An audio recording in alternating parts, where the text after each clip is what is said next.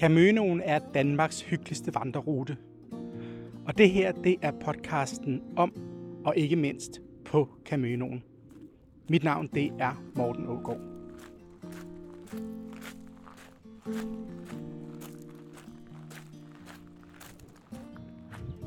Ja, hej. Det ser ud som om, der kommer ishus i år. Hej, Ja. Lise. Hej, jeg hedder Morten. Hej. hej. Men uh, det bliver godt vejr. Jamen, jeg tænkte lige præcis, hvor var vi dog heldige. Ja, det var godt. På min tur rundt på Møn er jeg nået til Liselund. Jeg har haft sommerhus hernede i øh, en del år efterhånden, og jeg har flere gange gået rundt herude i den her vidunderlige park med snoede stier og høje træer og alle de her fantastiske huse, der ligger spredt rundt omkring i parken. Den allerførste sommer, vi havde sommerhus hernede, der var vi på en rundvisning inde på det lille Liselund Slot. Og det var en fantastisk historie. Og hvis man har mulighed for det, så vil jeg helt klart gøre det. Men den her have, den rummer også store historier. Det er jeg helt sikker på. Og derfor har jeg været heldig at møde Lise, som har en kæmpe kærlighed og passion for netop det her sted. Og hun vil følge mig rundt i den her romantiske have og fortælle om alle de spændende ting, som udspringer fra det her sted. Helt yderst på spidsen af Møn. Jeg kendte det godt i forvejen, men øh, fordi der kommer mange... Jeg kommer fra København, og jeg får besøg af, af, af folk jævnt fra København, og der to tredjedel af dem har aldrig hørt om det her sted. Så det er et, øh, i en eller anden forstand også et hemmeligt sted. Og det var jeg sådan meget begejstret for, da jeg kom herned, at det var hemmeligt. Og nu er jeg så med til at ødelægge det lidt. Der er en, der, der øh, skriver i en bog, at, at øh, Lise Liselund er et øh, udflugtssted og et tilflugtssted. Og det synes jeg er så fint, fordi øh, selvfølgelig er det det sted, man tager, man tager hen og, og sidder og spiser sin picnic med familien og fodrer ænderne og går rundt og kigger på bygningerne og tænker, hvad er det her for noget? Men det er også det sted, man søger hen og får fred. Og, øh, og det er noget af det, der er den oprindelige idé med den romantiske have. Det er det at skabe rammerne for et sted, hvor man kan trække sig tilbage og få erkendelser og tænke over liv og døden og alle de store spørgsmål. Og det var meget sjovt, fordi forleden der var faktisk en, en ung kvinde, der bor i Vordingborg, der sagde til mig, mit yndlingssted, det er faktisk, og så nævnte hun en bestemt lokalitet her i haven. Og det er der, jeg, jeg kan mærke, at jeg sådan kan sætte mig ned og tænke og være med mig selv. Og faktisk er lige nøjagtigt det område for over 200 år siden skabt som et sted, hvor man kunne gøre det. Og tænk, at man så kan gøre det 250 år efter. Og der er jo mange ting, der slet ikke er, som det er var oprindeligt. Men det blev jeg altså lidt... Øh, ja, det blev jeg vildt imponeret over, faktisk.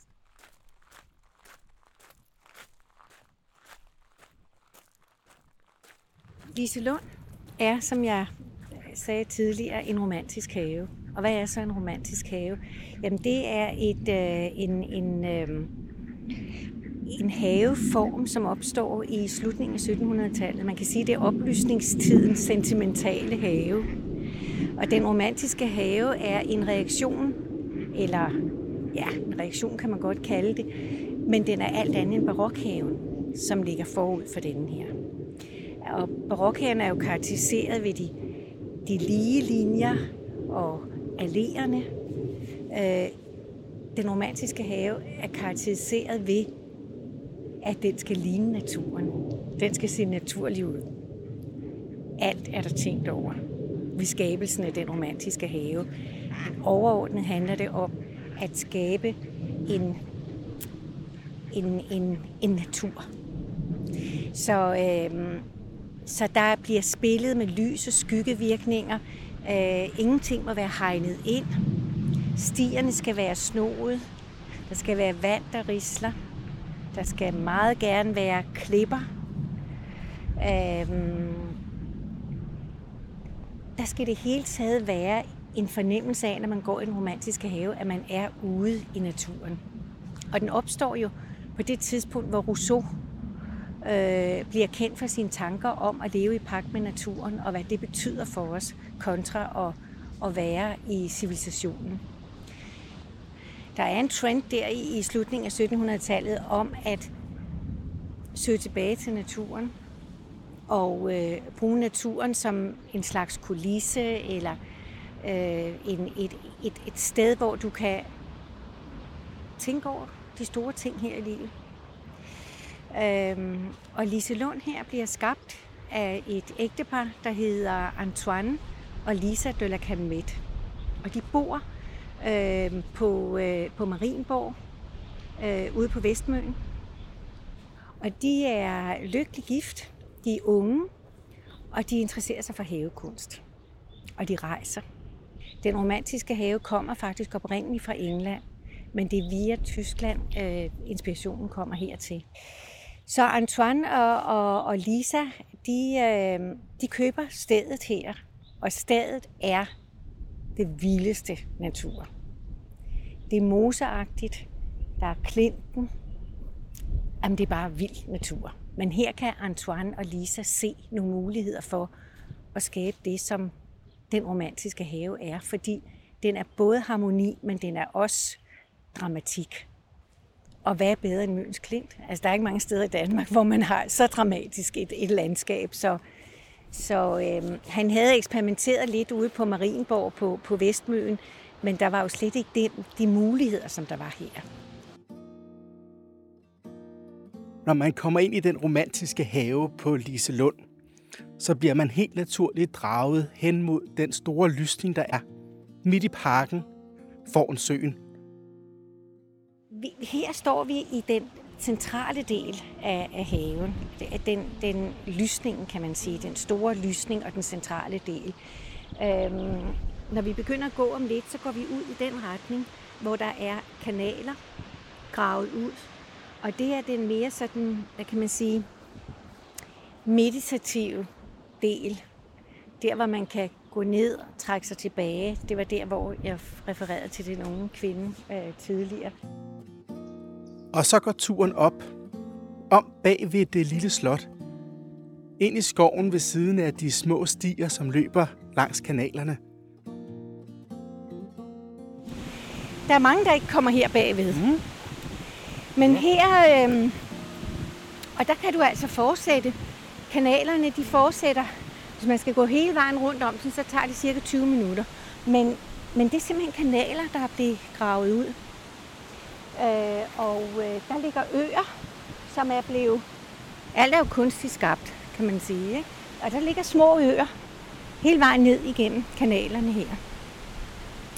Og de hedder Skriverkanalen. Og det hedder de på grund af det monument, som du ser derovre, som hedder Skrivermonumentet.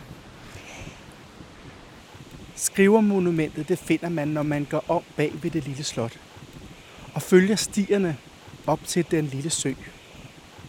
Så hvis man kigger på sin venstre hånd, lige under bakken, så er der et monument, renset ind af store kampsten. Havemonumenterne, det er den anden karakteristisk ting ved den romantiske have.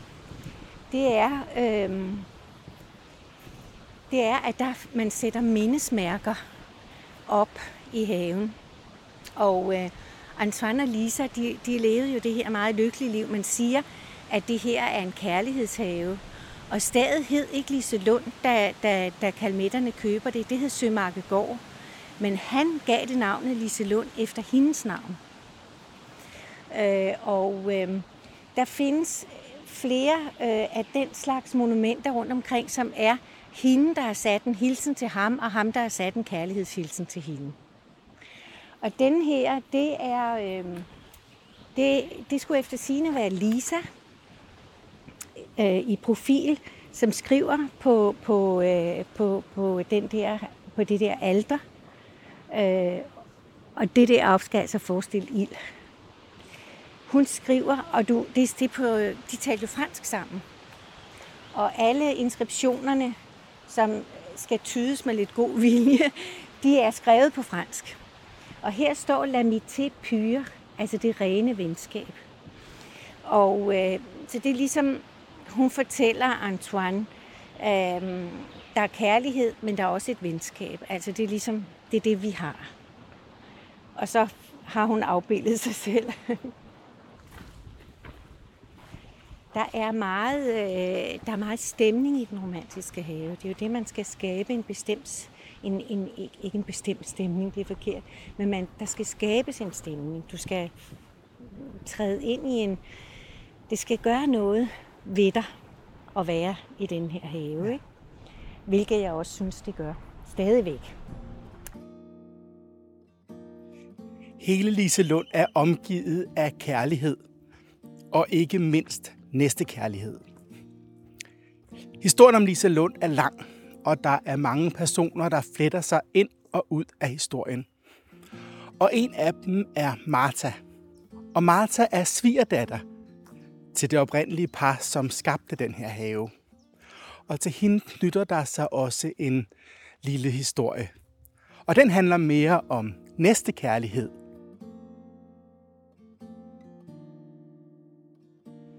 der hvor jeg bor, der bor jeg, øh, har lejet en bolig af den nuværende baron Rosenkrantz, som bliver ejer af Liselund i midten af 1800-tallet. Og øh, først så går det til Raben, og så kommer det til Rosenkrantz. Og det, det er en, en historie, som vi springer over nu. Men Martha, hun får aldrig at vide, at hun ikke ejer det. Hun bor dernede, og man, man, altså, jeg tror, hun har været en, en fantastisk kvinde på mange måder. Øh, og hun havde virkelig forståelse for, hvad det var, hendes, hendes svigerforældre havde skabt. Øh, og historien er, og den har Niels Henrik Rosenkrantz, som er den nuværende baron, bekræftet, at hun fik aldrig at vide, at det her var solgt, og hun ejede ikke en øre, og hun, hun, bor, eller hun lever i 57 år. Hun dør først i 1877. Der bor hun nede på Gamle Slot.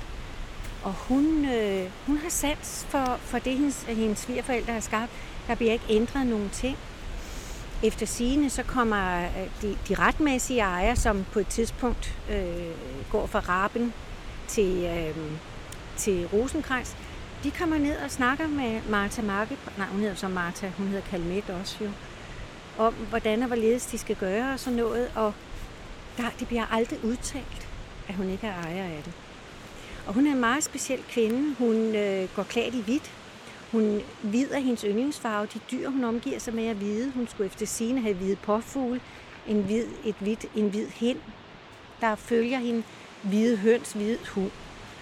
Øh, og hun er meget elskeligt menneske også. Øh, og øh, Martha, hun er jo selvfølgelig stadigvæk her. Det er den hvide dame. Kommer du herned i fuld måneskin, så kan du måske se hende.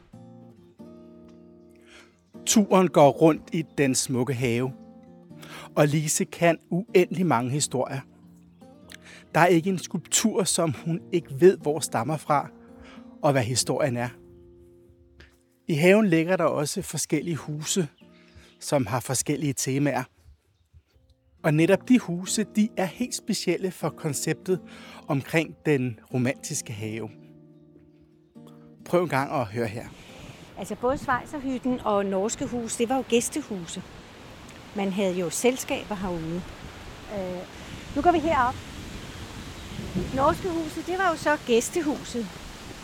Og det er i øh, efter kalmetternes tid og Martas tid, og også senere, da Olofa og, og Fritz Rosenkrantz, så leger de det her ud.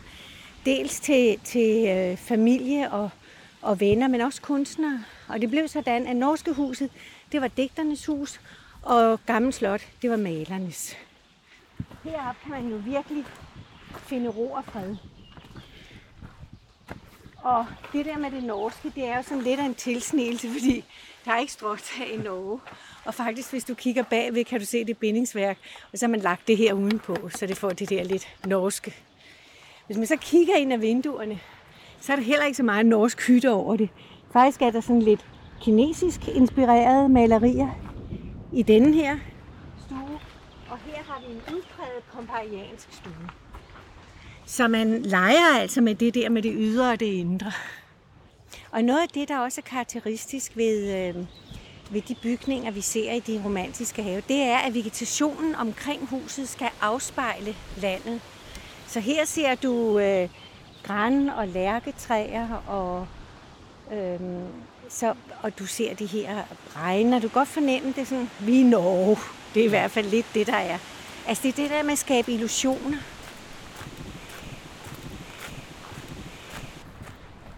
Nå, men her nærmer vi os så det kinesiske, den kinesiske pavillon. Og det var ikke et gæstehus, det var her, man, man indtog sin te.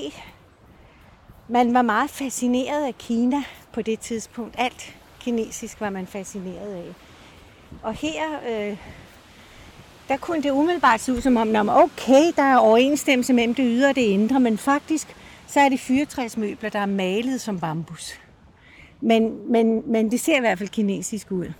Og der har jo altså været kinesisk porcelæn, og her øh, gik man så op, og så blev der serveret øh, te, og så kunne man så sidde og overskue øh, det her fantastiske sted.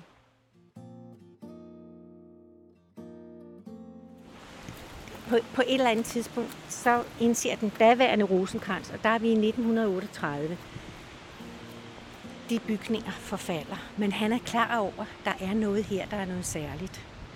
Så han tager ind til kirkeministeren. Det er åbenbart ham, der var ansvarlig for den slags ting dengang. Og efter historien fortælles, at øh, der var ikke rigtig nogen, der ville snakke med ham, men han blev siddende og fik til sidst kirkeministeren i tale. Og vi i 1938 og fik overbevist om, at her var noget, man skulle bevare som var bevaringsværdigt og var noget særligt. Så bliver der oprettet en fond. En fond kan bedre søge penge til at sætte en bygning i stand, end en privat familie, der ejer nogle bygninger. Ja. Og det er faktisk den måde, det fungerer på ind i, i slutningen af 1900-tallet. Og i 2005 så overtager Nationalmuseet. Men det kunne sagtens være gået fuldstændig til, hvis ikke der igennem tiden havde været nogen, som havde forstået, at her var noget at bevare. Så det kan vi jo glæde os over.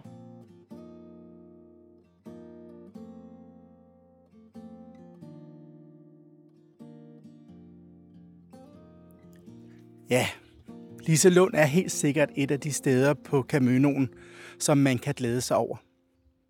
Lise har guidet ture rundt i parken, og det kan du læse meget mere om inde på Caminoens hjemmeside. Hun er en af ildsjælene, der er med til at gøre den her tur rundt på Møn og Bogø og Nyord helt speciel. En af de ting, der for mig gør Caminoen til noget ganske særligt, er, at her møder natur kultur. Og her møder de fine folk på Lise Lund, de helt almindelige mennesker, som er gået til pinsebal på Fanefjord Skovpavillon. Kamønoen omfavner alle. Når de vandrende kommer gående med deres rygsække, eller når de sidder om aftenen i shelterne på kamønopauserne, så bliver der også fortalt historier. Få steder oplever man den her glæde og stolthed ved et lokalområde – og jeg tror, det er det, der har fascineret mig ved Møn, og det, som kommer til udtryk på Caminoen. Og her fra den smukke park ved Lise Lund går min tur videre. Lyt med næste gang, og indtil vi høres ved. God Camino.